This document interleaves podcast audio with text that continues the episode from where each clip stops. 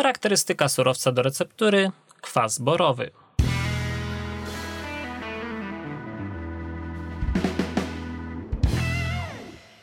Odkrycie. Kwas borny został po raz pierwszy otrzymany przez niemieckiego naukowca Wilhelma Homberga w 1702 roku z tetraboranu sodu. W przemyśle spożywczym kwasu bornego używano jako konserwantu żywności, natomiast w lecznictwie głównie jako środka odkażającego. Kwas borowy nazywano początkowo solą uspokajającą Homberga, sal sedativum Hombergi, mimo iż działania uspokajającego nie posiada. Właściwości odkażające kwasu bornego wykorzystywano dodając go do różnego rodzaju roztworów oraz maści. Wygląd oraz właściwości fizyczne i chemiczne. Kwas borowy to nieorganiczny związek chemiczny o właściwościach słabego kwasu. Według farmakopei polskiej 10 występuje w postaci białego lub prawie białego krystalicznego proszku, bezbarwnych błyszczących płatków tłustych w dotyku, a także białych lub prawie białych kryształów. Związek ten jest rozpuszczalny w etanolu 96% i wodzie o temperaturze pokojowej. Łatwo rozpuszczalny w glicerolu 85% oraz we wrzącej wodzie. Jego współczynnik wyparcia wynosi 67 setnych, a gęstość 1,435 tysięcznych grama na centymetr sześcienny. Najczęściej stosowanym w recepturze aptecznej rozpuszczalnikiem kwasu borowego jest woda, stąd istotna jest znajomość jego rozpuszczalności w różnych temperaturach. Właściwości lecznicze, toksyczność oraz zastosowanie.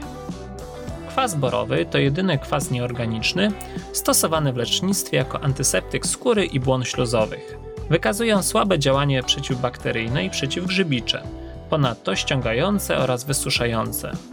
Stosowany jest głównie w postaci roztworów, maści, gałek dopochwowych, a także zasypek do stóp. Obecnie podważana jest zarówno skuteczność, jak i bezpieczeństwo jego stosowania. Kwas borny łatwo wchłania się przez uszkodzony naskórek oraz błony śluzowe, a po dłuższym stosowaniu kumuluje się w organizmie. Działa toksycznie m.in. na wątrobę, nerki oraz układ nerwowy. Ze względu na to farmakopee polskie 8, 9, 10, 11 obniżyły aż pięciokrotnie najwyższe stężenie zwykle stosowane kwasu borowego podawanego do pochwowo z 10% do 2%. Kwas borny szczególnie niebezpieczny jest dla małych dzieci. Ponadto wykazano toksyczne działanie na reprodukcję oraz rozwój płodu. Substancje powodujące przekrwienie skóry zwiększają wchłanianie związków boru do organizmu, a tym samym możliwość zatrucia. Ze względu na toksyczność kwas borny można używać krótkotrwale, tylko zewnętrznie na nieuszkodzoną skórę u dzieci powyżej 11 roku życia oraz dorosłych. Do objawów zatrucia związkami boru zaliczamy wymioty, biegunkę, brak łaknienia, krew w stolcu, uszkodzenie wątroby oraz nerek, stany splątania, drgawki. Według farmakopei polskiej 11 kwas borny stosowany jest tylko zewnętrznie w postaci roztworu o stężeniu od 1 do 3%, maści o stężeniu od 1 do 3%, maści do oczu o stężeniu 3%, zasypki o stężeniu od 1 do 10%, roztworu dopochwowego o stężeniu od 1 do 2%, globulek dopochwowych zawierających nie więcej niż 6 setnych kwasu bornego na globulkę. Kwas borowy często przepisywany jest przez lekarzy jako składnik leku recepturowego. Najczęściej przygotowuje się jego roztwór wodny o stężeniu 3%.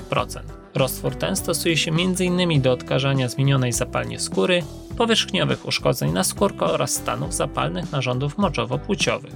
Roztwór ten stosuje się również jako składnik maści i kremów recepturowych.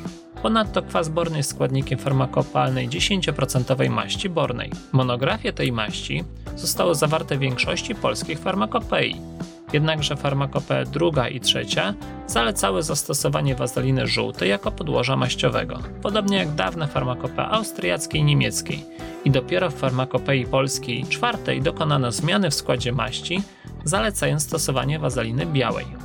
Wykonanie 100 g maści bornej polega na miałkim sproszkowaniu kwasu bornego i roztarciu z około 10 gramami stopionej wazeliny. Następnie należy porcjami dodawać pozostałą część podłoża, ucierając maść do pełnej homogenności.